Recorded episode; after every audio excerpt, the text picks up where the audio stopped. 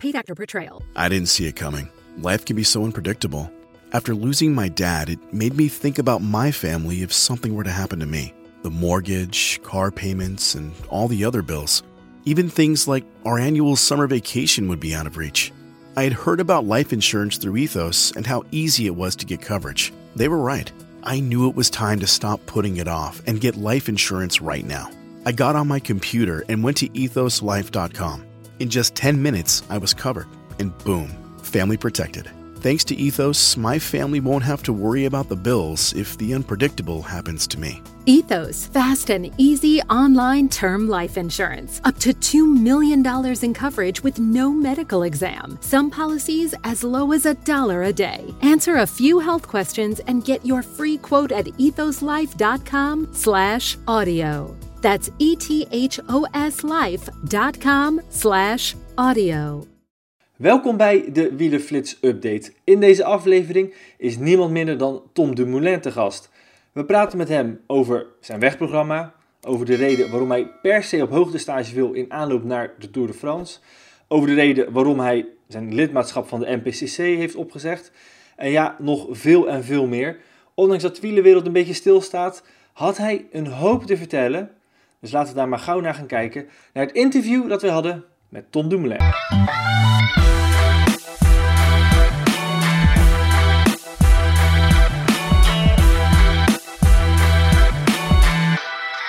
Tom, eh, allereerst, jij woont net over de grens in België, eh, op de grens met Nederland.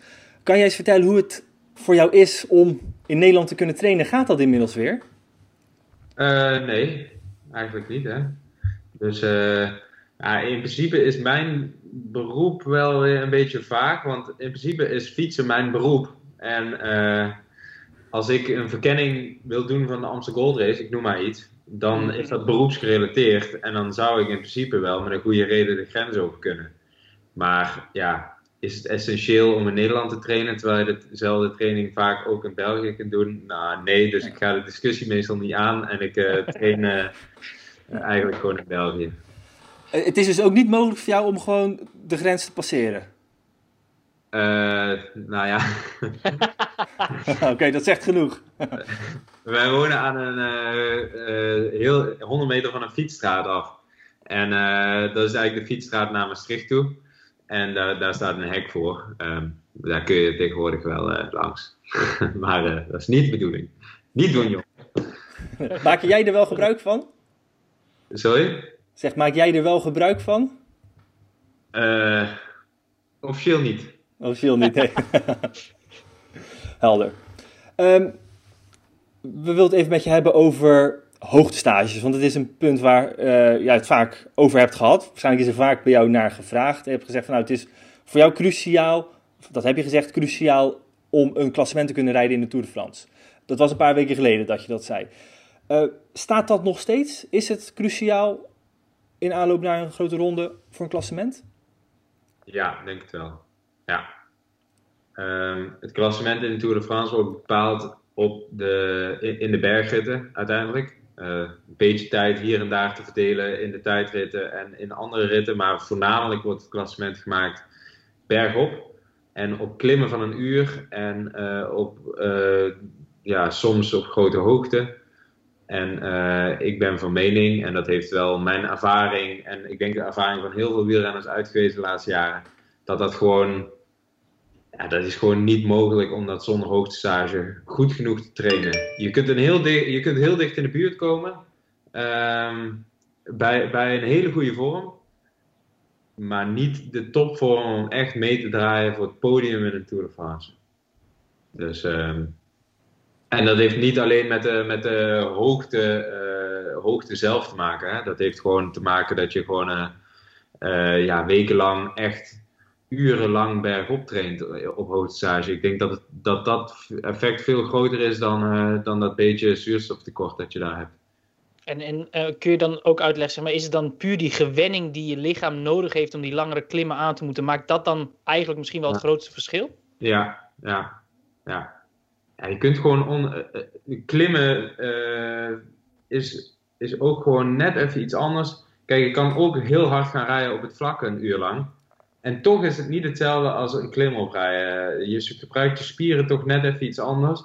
En op hoogtestage moet ik ook echt wel echt een, een, week wennen. Niet alleen aan de, aan, aan de hoogte zelf, maar ook gewoon aan anderhalf uur lang een klimop rijden. Dat is gewoon, dat is, daar ben ik gewoon totaal niet aan gewend. Dus dat, dat, is altijd even aanpassen.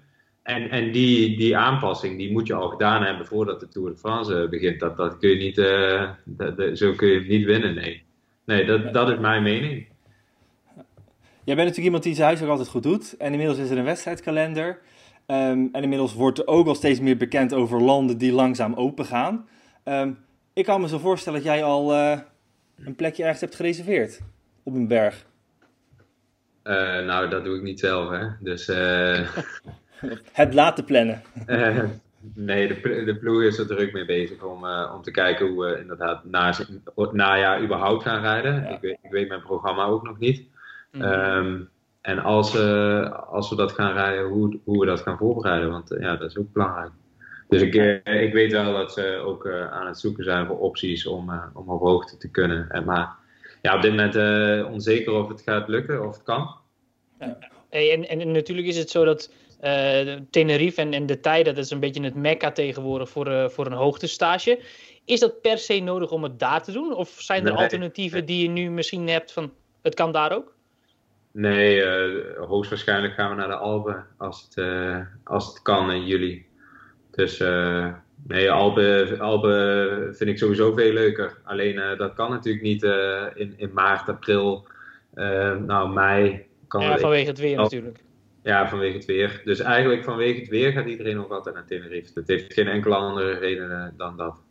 Ja. Speelt er bijvoorbeeld nu ook mee dat je naar uh, de Alpen kan je met de auto rijden. En naar Spanje ook. Dat je niet hoeft te vliegen. Ja, dat is heel belangrijk. Ja. Dus dat is een grote... Ik denk vluchten, als die al gaan in de zomer, gaan wij ze als ploeg zoveel mogelijk nog altijd proberen te vermijden waar het kan. Dus als we, als we met de auto naar de Alpen kunnen rijden voor een hoogtestage, dan gaat dat zeker wel de voorkeur hebben. Ja, en nu, nu las ik gisteren ook ergens dat Colombia erover nadenkt om ja, de vluchten naar het buitenland in ieder geval tot 31 augustus op te schorten. Heb jij stiekem niet geglimlacht dat je dacht, oh, Bernal en Quintana zitten daar nog? Nee, nee. nee, ik, ik, ik ben liever een, ja, als, je, als ik in de Tour ben, en ik wil hem winnen, dan wil ik ook gewoon wel een serieuze Tour de France winnen. En niet een hele afgeslankte versie daarvan. Want uh, ja, dat, dat, dat, dat haalt toch een beetje de, de glans eraf als, het al, als je al op het podium zou staan. Ja, ja, ja. Jij woont natuurlijk nu nog in België. Is dit voor jou een, een, reden om te zeggen van... Goh, misschien moet ik toch eens andere oorden opzoeken. Ik noem maar bijvoorbeeld jouw ploeggenoot Robert Geesing. Die zit nu gedwongen op hoogte in Andorra. Um, is dat iets waar jij over nadenkt? Om misschien toch die stap ook te maken? Uh, ten gevolge van de coronacrisis zeker niet. Want ik mag hopen dat ik die de rest van mijn carrière in zo'n situatie als waar we nu in zitten uh, nooit meer ga meemaken. uh, ik denk dat we dan iets mis hebben als, uh, als we. Maar en voor de rest, nee, ik woon hier heel fijn. ik heb echt een ideale trainingsomgeving. En, vind hier heel fijn wonen. Mijn vrouw heeft hier gewoon ook werk en ik heb hier mijn hele leven. En ik zie, ik zie geen reden om naar het buitenland te gaan. Denk jij er nu wel veel over na, doordat die andere renners als Geesink, als Quintana um, al gewoon op hoogte wonen, dat die nu wel een voorsprong aan het opbouwen zijn misschien, ten opzichte van jou die op nou ja, zeeniveau zit? Nee, op, na een paar weken is dat effect... Uh, het effect wat je na drie weken hebt opgebouwd en het effect dat je na maanden hebt opgebouwd, dat is uh, redelijk verwaarloosbaar. Dus als ik een paar weken op hoogte eh, stage kan, kan gaan, dan, dan is dat voldoende. Ja.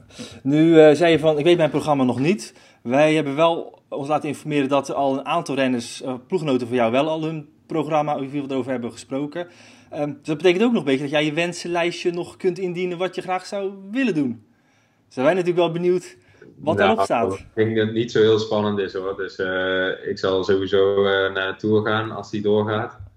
Um, ja, en verder uh, inderdaad weet ik het niet precies. Ik, eigenlijk moet ik zeggen dat ik nog helemaal niet zo naar het programma heb gekeken. Uh, ik weet niet eens uh, hoe het er precies uitziet. Misschien dat ik wel de Vuelta doe, misschien niet. Uh, ik weet het niet. Ik, ik laat eigenlijk interesseert me ook niet zoveel. Ik wil gewoon koersen en. nou ja, het gaat natuurlijk. Je hebt bijvoorbeeld ook wel eens gezegd dat je wel eens Parijs-Roubaix zou willen rijden in je carrière. Bardet heeft bijvoorbeeld wel gezegd, daar wil ik dit jaar op, op gaan, gaan focussen ook. Maar dat betekent wel als je de Parijs-Roubaix gaat rijden, dat je de Vuelta niet kan rijden, want het is tegelijkertijd. Dus dat zijn natuurlijk wel uh, zaken die je nu vooraf al kunt scherpstellen ja, van wat je wel en niet gaat doen. Ik weet niet hoe, hoe serieus uh, Bardet dat wil nemen. als, je, als, je voor het klassement gaat in de Tour en een maand later uh, in Roubaix staat, ja, dan ga je Roubaix niet winnen hoor. dus, nee, nee, maar heb je hem wel gereden? Ja, maar ja, ik, ik sta niet aan de start om een wedstrijd te rijden. Ik, ik, wil, ik wil aan de start staan om een wedstrijd ja, echt het uiterste uit mezelf kunnen halen. En met een gedegen voorbereiding. En niet zomaar ergens aan de start staan omdat het leuk is. En, en dus sowieso, uh, we hebben genoeg renners in de ploeg. We hebben dadelijk 28 renners die allemaal staan te popelen om wedstrijden te doen. En als ik er uh, 60 ga rijden in uh, 2,5 maand tijd, dan gaat er voor anderen ook niet zoveel overblijven. Dus nee, ik ga iemands anders plek in groep N niet ineens afsnoepen omdat, omdat ik die ooit een keer gereden, wil. Ja. Hey, en, en nog een, een knelpuntje in, in die hele kleine, zeg ik, weet het niet precies. Nu vindt het WK tijdrijden natuurlijk wel plaats op de laatste zondag van de Tour de France. Um, nu parafraseer ik een beetje, maar stel je kunt niet op hoogte stage uh, en gaat wel die Tour rijden. Is dat dan nog iets waarvan je denkt van, uh, ja, kan ik toch nog misschien dan via een omweg dat WK tijdrijden rijden? Of speelt dat totaal niet? Nou, volgens mij spraken ze al over het verplaatsen toch van, uh, van de individuele tijden. Dus uh, ik kan mij niet voorstellen dat die individuele tijdrit op, op de zondag zal blijven staan. Dus uh, ik weet niet of dat al veranderd is, maar als het, dan, gaat het, gaat het nog veranderd worden, verwacht ik. Um, maar sowieso is, ja, sowieso is het een moeilijke combinatie. Dus uh, uh, op zondag financieel op de Champs-Élysées op woensdag uh, de titel van je leven rijden, dat, dat is niet echt. dat wordt een beetje moeilijk, zeg maar. Ja. Alleen die oh. tijd, dat, is, dat was sowieso niet het hoofddoel van dit jaar, omdat die is vrij vlak. Dus, ja. ja, maar goed, het kon natuurlijk omdat. Ja, kon natuurlijk omdat het seizoen heel anders is. En wat ik zeg, als je inderdaad niet die, die hoogste zou kunnen doen, ik denk misschien verandert dan nog iets in, ja, in hoe je er nu tegenaan zit. Ja, eigenlijk uh, weet ik het dus nog niet allemaal niet. nee, ik wil nog wel even terugkomen op dat, op dat Parijs-Roubaix, want ik had dat een beetje geïnterpreteerd van, nou, dat wil ik, is gewoon een, een bucketlist ding, die wil ik een keer gereden hebben. Uh, ja. Maar daar zit, spreekt eigenlijk meer ambitie van uit. Het is niet zomaar maar ja, rijden. Bucketlist ding, uh, ja, die wil ik een keer gereden hebben, maar, maar wel met een gedegen voorbereiding. dus wel uh, ik, ik vond het uh, heel mooi hoe Bradley Wiggins het aan heeft gepakt, bijvoorbeeld. Die heeft jarenlang gewoon zijn lichaam optimaal gefocust op, uh, op het winnen van een grote ronde. Um, en op lange tijdritten, heuvelachtige tijdritten, dat, is, dat was jarenlang zijn focus. En op een gegeven moment zei hij: Oké, ik ga mijn focus nu verleggen. De laatste twee jaar van mijn carrière. En dan ga ik klassieker renner worden. Nou, dat vond ik wel heel mooi. Zo zou ik het ook wel willen doen. Dat programma, wanneer, wanneer denk je dat je dat wel weet? Um, ergens binnen nu, in de komende week, maar het heeft geen haast. Uh, we hebben nog drie maanden. Dus, uh, ja. ja. goed. Ik kan me bedenken dat het ook voor jou iets is waar je toch naar snakt om in ieder geval weer stip aan, echt stippen aan de horizon te hebben om ook naartoe te kunnen werken. Nee, nee, eigenlijk niet. Nee, omdat het sowieso uh, hoogst twijfelachtig is of het allemaal gaat lukken. Dus we, we kunnen nu allemaal hopen, maar ja. Um, ja, in principe heb ik ook geen. Uh, ja, heeft vorig jaar mijn knieblessure wel geleerd dat ik fietsen gewoon heel erg leuk vind. En uh, dat ik ook prima 20, 25 uur elke week fiets of 30 uur. Als ik, als ik geen korte termijn doel heb. Dus wat dat betreft hou ik mezelf bezig en, en hoop ik gewoon heel erg dat het doorgaat. Maar ik, het is niet dat ik niet kan trainen als ik, als, als ik nu zou horen dat de koersen niet, helemaal niet meer doorgaan. Dus. Um, ja, ja, we kunnen niks anders doen dan afwachten. Nog, nog eventjes over die knieblessure, Tom. Um, jij was natuurlijk bezig aan een hele lange revalidatie. Um, nu die pauze daar is door die coronavirus, staan heel veel andere renners ook stil. kan, het, kan jij een van de renners zijn voor wie deze hele. Nou ja, goed, het voordeel is lastig om te zeggen, omdat er natuurlijk een heel veel ellende bij, dit, bij deze crisis komt kijken. Maar zou het voor jou sportief gezien een voordeeltje kunnen zijn dat alles nu stil ligt? Uh, nee, ik denk, nee, ik zou niet weten waarom. Um, op zich ben ik altijd wel een renner geweest die uh, met specifieke trainingen eigenlijk al altijd op zijn hoogste niveau kon komen. Dus uh, ik, ik heb nooit de indruk gehad dat ik een voorbereidingskoers nodig had of zo. Of dat ik daar beter van werd. Um, in aanloop naar grote evenementen. Dus het beste voorbeeld is misschien wel de Vuelta van 2015. Waar ik ook sinds de Tour niks meer heb gekoerst. En was ik vanaf dag 1, ja, op dag 1 werd ik meteen tweede op aankomstberg op. dat was mijn beste, misschien wel een van mijn beste dagen ooit op de fiets. Dus nee, daar heb ik eigenlijk niet, niet nodig. Onlangs zit jij in een interview, dat was geloof ik in het nieuwsblad, ook een soort van oproep, in waar ik nieuwsgierig naar was, naar tourwinnaars, in ieder geval podiumkandidaten die niet in het hoge bergte zich hebben voorbereid om uiteindelijk toch goed die toeren weten, wisten te rijden. Nu zijn wij eens gaan zoeken en gaan speuren naar welke wielrenner dat heeft gepresteerd. En allereerst, het is een goede opdracht, want het is niet, niet makkelijk te achterhalen zover we kunnen kijken qua hoogtestage. Want we willen eventjes onze tussentijdse uh, bevindingen met je delen. Ja. Uh, de eerste renner die dat waarschijnlijk niet heeft gedaan qua hoogtestage, zover we weten, was 2006. Uh, Pereiro Sio. Maar goed, dat was natuurlijk ook een beetje per ongeluk winnaar. Die had een andere hoogtestage. Ja, ja precies. Een andere manier hoogtestage, ja. Maar... En, en, en, daarna kom je eigenlijk in de jaren uh, 90 terecht, waar er geen specifieke hoogtestages uh, ja. waren. Maar dan kwam dat ze dat eigenlijk oplosten met een ander middel. Dus dat was dan de EPO. Uh, maar renners die niet in de bergen getraind hebben, ja, dat is bijna niet. Die zijn er zover wij kunnen terugvinden. Uh, ja, niet, niet voorgevallen. is altijd wel in de bergen getraind. Ja, en, ik, ik kan en logisch eigenlijk. Ja, ik, ik, heb ook niet gezocht, maar ik kan me niet voorstellen dat uh, de laatste 10, 15 jaar een renner uit de top 5 van de Tour zich niet heeft voor, uh, gewoon zich heeft voorbereid op het vlakke land van, uh, van Amsterdam. Dat denk ik. Ja. Dat, ja, nooit. Never, nee. never niet. Geloof ik niet. Zit, zit, zit wel een uitdaging in. Ja, ja, dat zit inderdaad wel weer een uitdaging in. Maar dat mag een ander gaan uitproberen. Ja.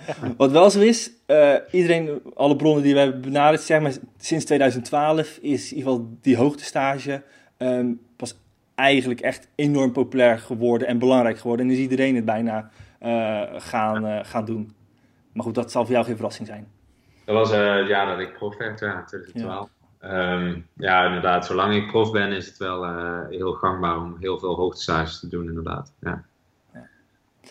Nog een ander ding. Uh, deze coronatijd heeft natuurlijk ook gezorgd dat de hele controles op, uh, op doping een beetje stil heeft komen te liggen. Een aantal wielrenners hebben zich daarover uitgesproken die zich zorgen maakten van... Hey, is het niet een aanleiding voor mensen met kwade bedoelingen om uh, hier gebruik van te maken? Leven die zorgen ook bij jou? Um, ja, en aan de andere kant uh, nu er geen, de komende drie maanden nog geen wedstrijden zijn, snap ik wel dat ze hun geld in hun zak houden, de dopingautoriteiten, om, om te gaan testen als de koersen weer dichterbij komen. Want uh, volgens mij, wat ik al vaker heb gehoord, zwemt de dopingautoriteit ook niet in het geld. En moeten ze toch heel gericht dopingcontroles uitvoeren om toch binnen hun budget te blijven. Nou ja, dan, dan is het vrij redelijke geldverspilling om dan in een tijd dat de, de koersen nog drie maanden weg zijn, om dan heel veel te gaan testen. Dus um, in principe, als dat de beweegreden is, dan snap ik hem wel. Um, maar ik hoop wel dat er wel op tijd, als iedereen zeg maar vanaf volgende maand een beetje echt specifiek gaat toewerken weer naar het najaar, um, dan moeten er wel weer echt controles zijn. Ja. Wanneer was jouw laatste controle, Tom? Uh, dat kan ik zo voor je opzoeken, maar ik zou het niet weten uit mijn hoofd. Maar ik denk, uh, ik denk december. Ja, ja. Nu was natuurlijk het argument eigenlijk van de dopingautoriteit dat het meer komt door uh, dat grenzen dicht zijn en het gewoon heel complex is om aan de coronamaatregelen uh, daaraan te voldoen om, om een land binnen te komen om te kunnen controleren. Ehm, maar het argument wat jij zegt heb ik nog niet gehoord, maar dat is ja, misschien nog wel meer. Uh, we willen ons geld sparen, dat, dat, dat bekt niet echt lekker uh, nee. dat de media gaat uh. Dus dat zal zeker wel een rol spelen hoor. Want inderdaad, ik krijg vaak uh, Duitsers uh, thuis bijvoorbeeld, die mij testen. Um, en ja, dus er is wel veel grensovergang um, nodig. Um, maar ik, ik, ik kan me voorstellen dat het maar één van de redenen is. en dat is een heel goed argument, hè? Maar dat, uh, ja. dat uh, ja, kun je niet uh, iedereen, iedereen, moet een beetje de hand op een knip houden. Um, wil ik wel nog één ander ding aan jou uh, vragen. Want als ik goed geïnformeerd ben, heb ik vernomen dat je ja, je lidmaatschap van de NPCC hebt uh, opgezegd. Klopt dat? Ja, dat klopt. Ja. Kan je ook... Ja, Wat? Ha- Hand op een knip natuurlijk. Ja. het lidmaatschapsgeld was te ik, hoog. vind, eh, ik, ik vind hun, hun gedachtegoed vind ik heel mooi. Dus eh, wat zij nastreven is gewoon een schonere sport. En zij vinden de, de officiële dopingregels nog niet streng genoeg. Vooral op het gebied van cortisonegebruik en weet ik wat allemaal. Nou, daar kan ik wel, daar kan ik wel inkomen. Ik heb altijd wel gezegd van ja, als het ooit nodig is, ehm, dan moet het wel mogelijk zijn. Ik bedoel, eh, ja, om, om, om iets te gebruiken als je half dood aan het gaan bent. Maar, eh, maar goed, Ehm, in principe zijn ze daar, hebben ze iets strengere regels dan de officiële regels. Nou, prima. Dus ik was daar lid van. Eh, sowieso Sunweb was lid en ik was ook persoonlijk lid. Ehm, maar eigenlijk vond ik de, de hele, vond ik het wel een redelijke farce tijdens Parijs-Nice. Dus eh Parijs-Nice, naar mijn mening had hij al niet verreden moeten worden.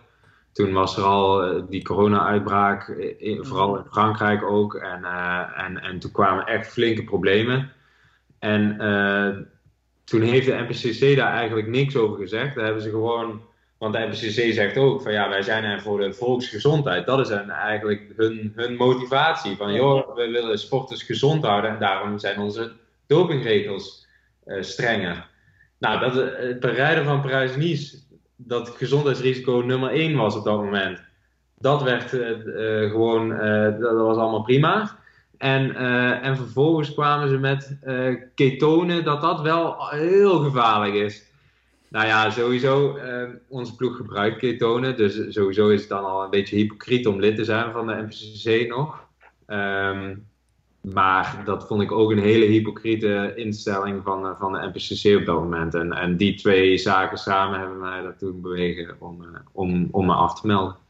Ja, maar dus- het het tekent je wel, vind ik, dat je daarover nadenkt. Want eh, heel veel renners zou dat ja, een worst zijn hoe, hoe dat daarop gereageerd werd. Hoe, hoe- over mijn afmelding? Of over, Nee, nee, nee, gewoon over, het, eh, over de opstelling van de NPCC tijdens Parijs-Nice, zeg maar. Ja, ja, ja, maar het was dus al. Ik twijfelde dus al een tijdje eh, van ja, wat moet ik daar nou mee? Omdat, omdat eh, Jumbo Visma gewoon wel eh, ketonen gebruikt en ik de, eh, gebruik. en, en ik dus ook. Ehm, ja, nu niet, maar, maar ik kan me voorstellen in de wedstrijd wel. En ja, ik dacht al van ja, wat ga ik daar nou mee doen? Dat is wel een beetje raar om dan lid te zijn van de NPCC die daar wel op tegen zijn. Ehm, ja, en toen Parijs-Nice was een beetje de druppel. Dat, was, dat vond ik zo'n slechte, slechte afhandeling. En eh, ja, zodoende. Hoe hebben ze daar vanuit de NPCC weer op gereageerd? Eh, vonden ze jammer natuurlijk. Ja. Ehm, maar ja, ze respecteren mijn keuze. Dus eh, ja, wat ik zeg, ik vind het ook wel.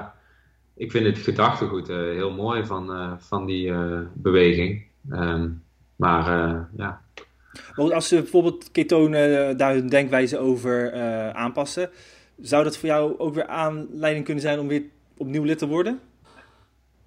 Ja, kan. Kan. Maar ik weet sowieso dat mijn ploeg, eh, die hebben wel wat eh, issues gehad toen met, Ja. eh, wat was het nou? Volgens mij met George Bennett toen uh, voorafgaand aan de Vuelta. Eigenlijk cortisolwaarde had of iets dergelijks.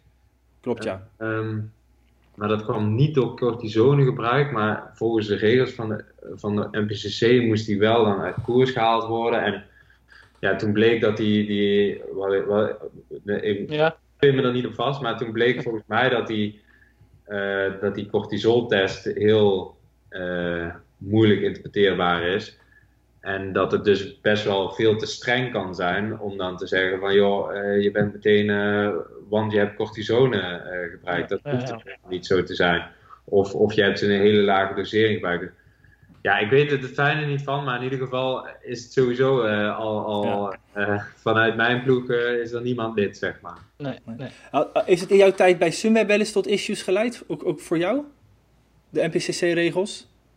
Nee, nee, nee, want ik heb, ik heb nooit cortisone hoeven gebruiken um, toen. En nee, is nooit een issue geweest.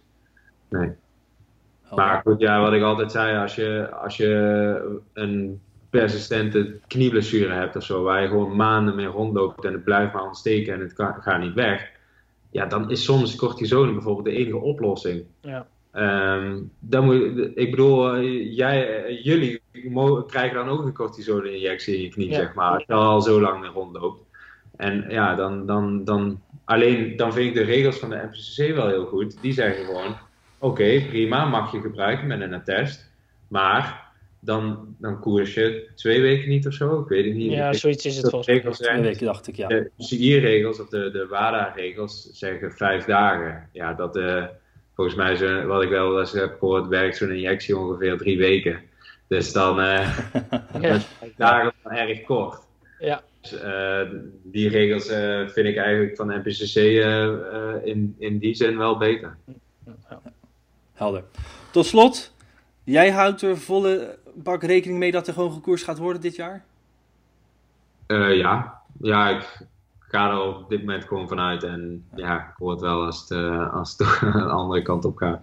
Ja. Volg jij het nauwgezet? Ieder nieuwtje erover, nieuwe kalender, nieuwe dit? Meer, niet meer. Nee, ik, dat deed ik in het begin wel. En nu kan me, ja, wat ik zeg, ik weet het programma eigenlijk nog niet eens precies.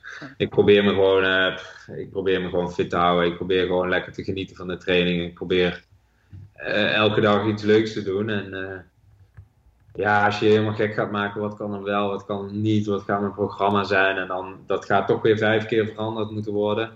Ehm, ja, dat eh, doe ik maar niet. St- Strijd je tegen Ineos liever met of zonder Froome? Eh, ja, dan rijdt hij wel ergens anders. Dus eh, ik kom Froome sowieso tegen, zeg maar. Maar nee, het zou wel een aderlating voor Ineos zijn natuurlijk als, eh, als Froome naar een andere ploeg zou gaan. Ja, ja, ja. Alright. Er was, er was deze week een lijstje op L'Equipe Ja. met eh, wat eh, de top 15 wielrenners van eh, eh, verdienen. Jij stond Ja. op plek 14 geloof ik, plek, plek 15. Eh, In ieder geval heel wat wielrenners eh, de, op erboven. plek niet te staan hoor. Nee. ja, dat was de vraag, ja. Waar hoor je eigenlijk te staan? Nee. Ja. Eh, wat verdien jij eigenlijk? Wat, wat wij verdienen. Jij eigenlijk? Ja, dat, dat, dat verschilt weer per jaar. Dat zal dit jaar niet veel zijn door corona, Tom. Ja, ja, ja, dat is bij mij ook. Dus eh, Nou, volgens mij, Nee. jouw sponsors doen het hartstikke goed. ja, ja, nee, maar eh, nee. eh, Ja, ik vond wel dat er wat weinig Nederlanders in stonden. sorry? Ik zeg, ik vond wel dat er weinig Nederlanders in stonden. Jij was de enige.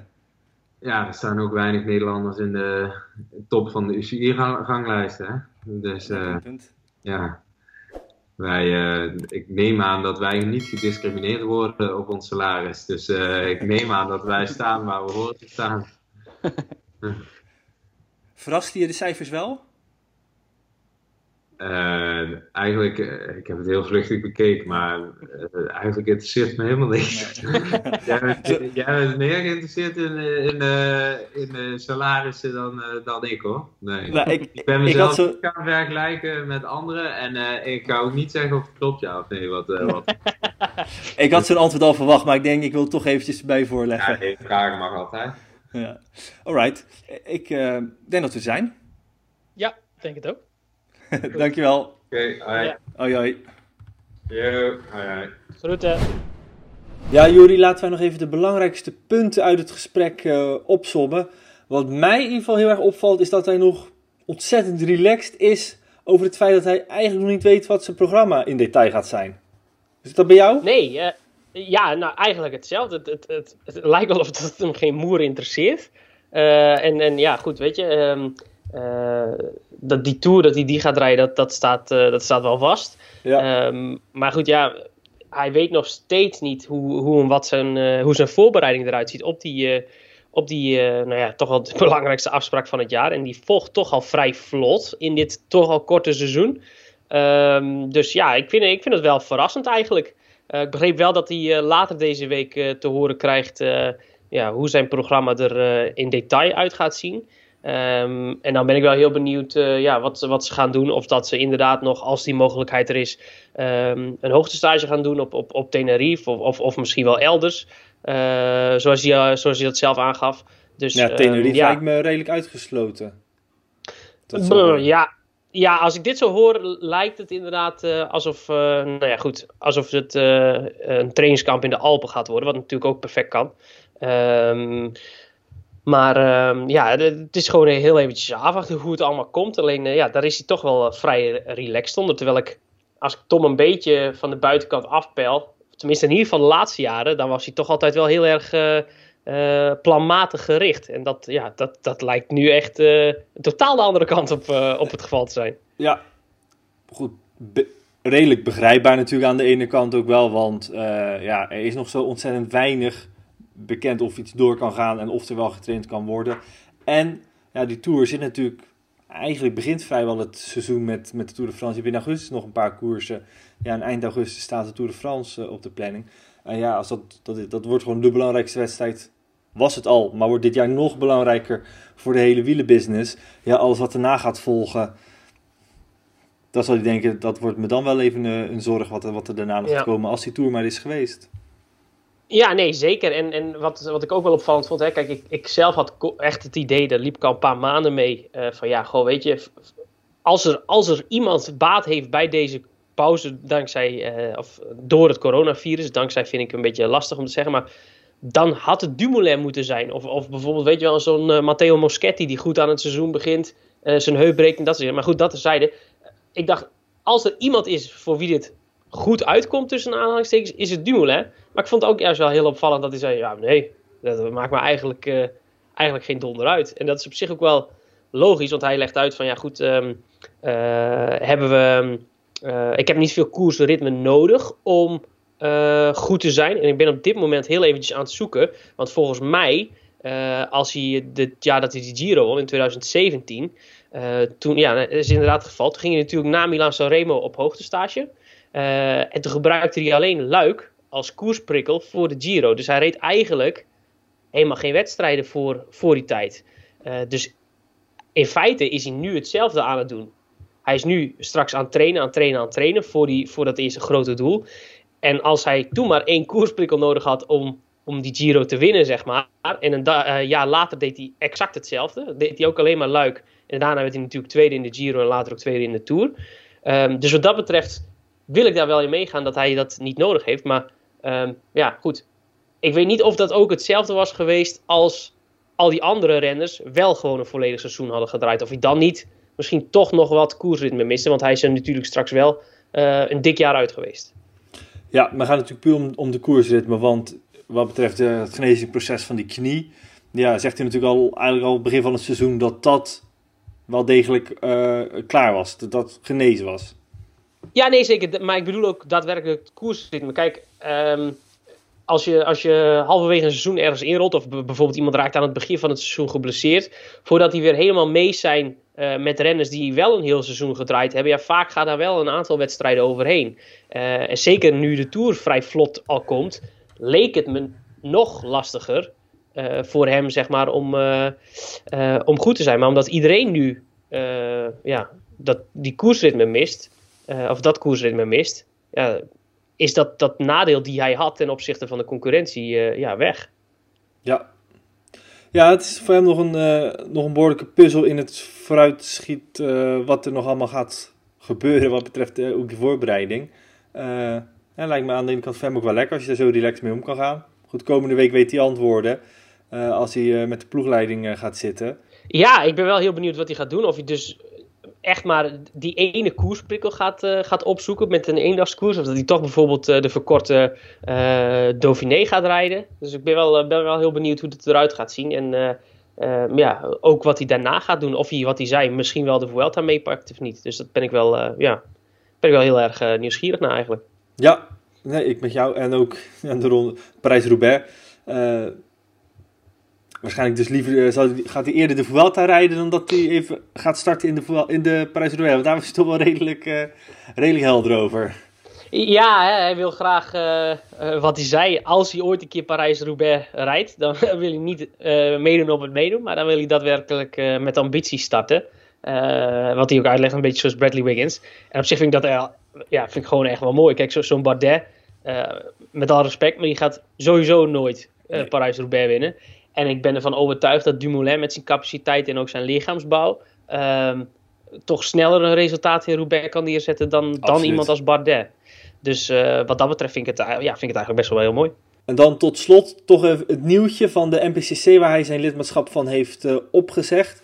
Um, eigenlijk de beslissing van de NPCC om geen standpunt in te nemen met, met uh, Parijs-Nice was eigenlijk het setje om eruit te stappen. Maar als je het dan hoort, had het sowieso uh, onhoudbaar geweest, aangezien ja, Jumbo-Visma ketonen gebruikt en de NBCC daar nog altijd fel tegen is. Maar toch vond het wel uh, bijzonder verweer van hem. Ja, nou ja, goed, ik vind het wel eerlijk. Kijk, um, Parijs-Nice vind ik, hem, als ik dan toch eerlijk mag zijn, een beetje makkelijk om het daar nu op af te schuiven. Gelukkig slikte hij dat ook wel weer een beetje in. Um, want ja, hij zegt ja, eigenlijk was het ook gewoon hypocriet om, om daarvan lid te blijven. Omdat we bij Jumbo-Visma uh, wel ketonen gebruikten. Tussen neus en lippen door verstond ik wel dat hij zelf het middeltje nog niet gebruikt heeft op dit moment. Um, maar dat dat wel uh, ja, gaat gebeuren richting, richting de koersen. hij heeft het natuurlijk ook nog niet nodig gehad. Um, maar dat het inderdaad... toch wel mee... Uh, ja, goed, dat, dat speculeren hoor. Maar ja. ik kan me toch wel voorstellen dat hij wel is getest, misschien heeft. Ik denk niet dat hij daarmee gaat beginnen in een koers om dat voor het eerst, eerst tot je te nemen. Uh, nou, nee. Maar aan de andere kant denk ik, ja goed, hoeveel zin heeft dat om bijvoorbeeld in, in december of januari uh, uh, te nemen? Want dan heb je er in feite niet zo heel veel aan. dus ik kan me voorstellen dat daar in een seizoen uh, richting de Tour de France of richting je belangrijke afspraken bepaalde wedstrijden zijn omcirkeld uh, die daarvoor in aanmerking komen om dat eens te proberen. Um, en ik kan me voorstellen, hè, Dumoulin heeft niet gereden dit seizoen, zou alleen de, Vuelta, of de Ronde van Valencia rijden. Ja, ik kan me voorstellen dat dat niet de wedstrijd was waar hij dat meteen wilde proberen. Uh, dus, nee, dat ben ik ja, totaal die... niet met je eens. Als je, iedere wedstrijd is belangrijk. Dan ga je toch niet iets wat je niet kent even daarmee gaan experimenteren in toch een wedstrijd die belangrijk is. Terwijl het ook, nou ja, even kunt kijken of je, hoe je lichaam erop reageert in, in training. Tijdens ja, trainingsarbeid. Nee, nee, snap ik volledig. Maar ik, ik had dan niet, hè, als ik dan een beetje parafraseer. Goed, Ronde van Valencia zou ik daar misschien niet meteen mee experimenteren, omdat je daar minder diep gaat dan in bijvoorbeeld Parijs-Nice. Wat natuurlijk een hele belangrijke koers is, maar voor Jumbo-Visma geldt dit jaar maar één wedstrijd, dat is de Tour de France. Dus ik denk dat je dan zoiets eerder probeert in een wedstrijd met een hoge intensiteit, uh, zoals bijvoorbeeld Parijs-Nice of de Ronde van Catalonië of, of dat soort wedstrijden, waar het toch ja, enigszins iets meer in de buurt komt van, van, uh, ja, van de efforts die je moet leveren in een grote ronde. Denk ik. Maar dat is, dat is mijn. Uh, ik heb er geen verstand van. Maar dat is, mijn, uh, dat, dat is hoe ik erover nadenk. Ja, goed, Juri. Ik kan me niet voorstellen dat dat zo gaat. Uh, ik weet even één ding heel zeker. We gaan het even uitzoeken. Hoe je, hoe je zoiets. Hoe zo'n proces in elkaar zit. Want het lijkt me echt uitgesloten dat je voor het eerst een product. Uh, kijk, neem even. Als jij naar een hardloopwedstrijd gaat doen.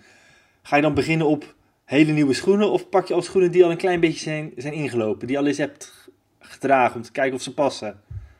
Nou ja, goed, dat laatste. Alleen eh, wil ik wel mee duidelijk maken dat het heel onaannemelijk is dat ik een hardloopwedstrijd ga doen, maar dat geheel terzijde.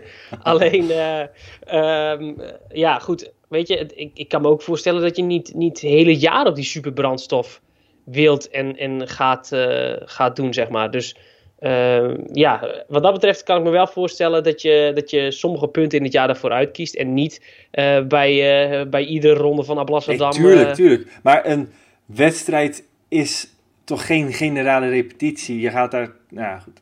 Weet je, we kunnen hier nog uren over, uh, over dooreilen. we gaan het even uitzoeken. Dat lijkt me ja, verstandig. Dat, dat lijkt me het eh, allerleukste ook.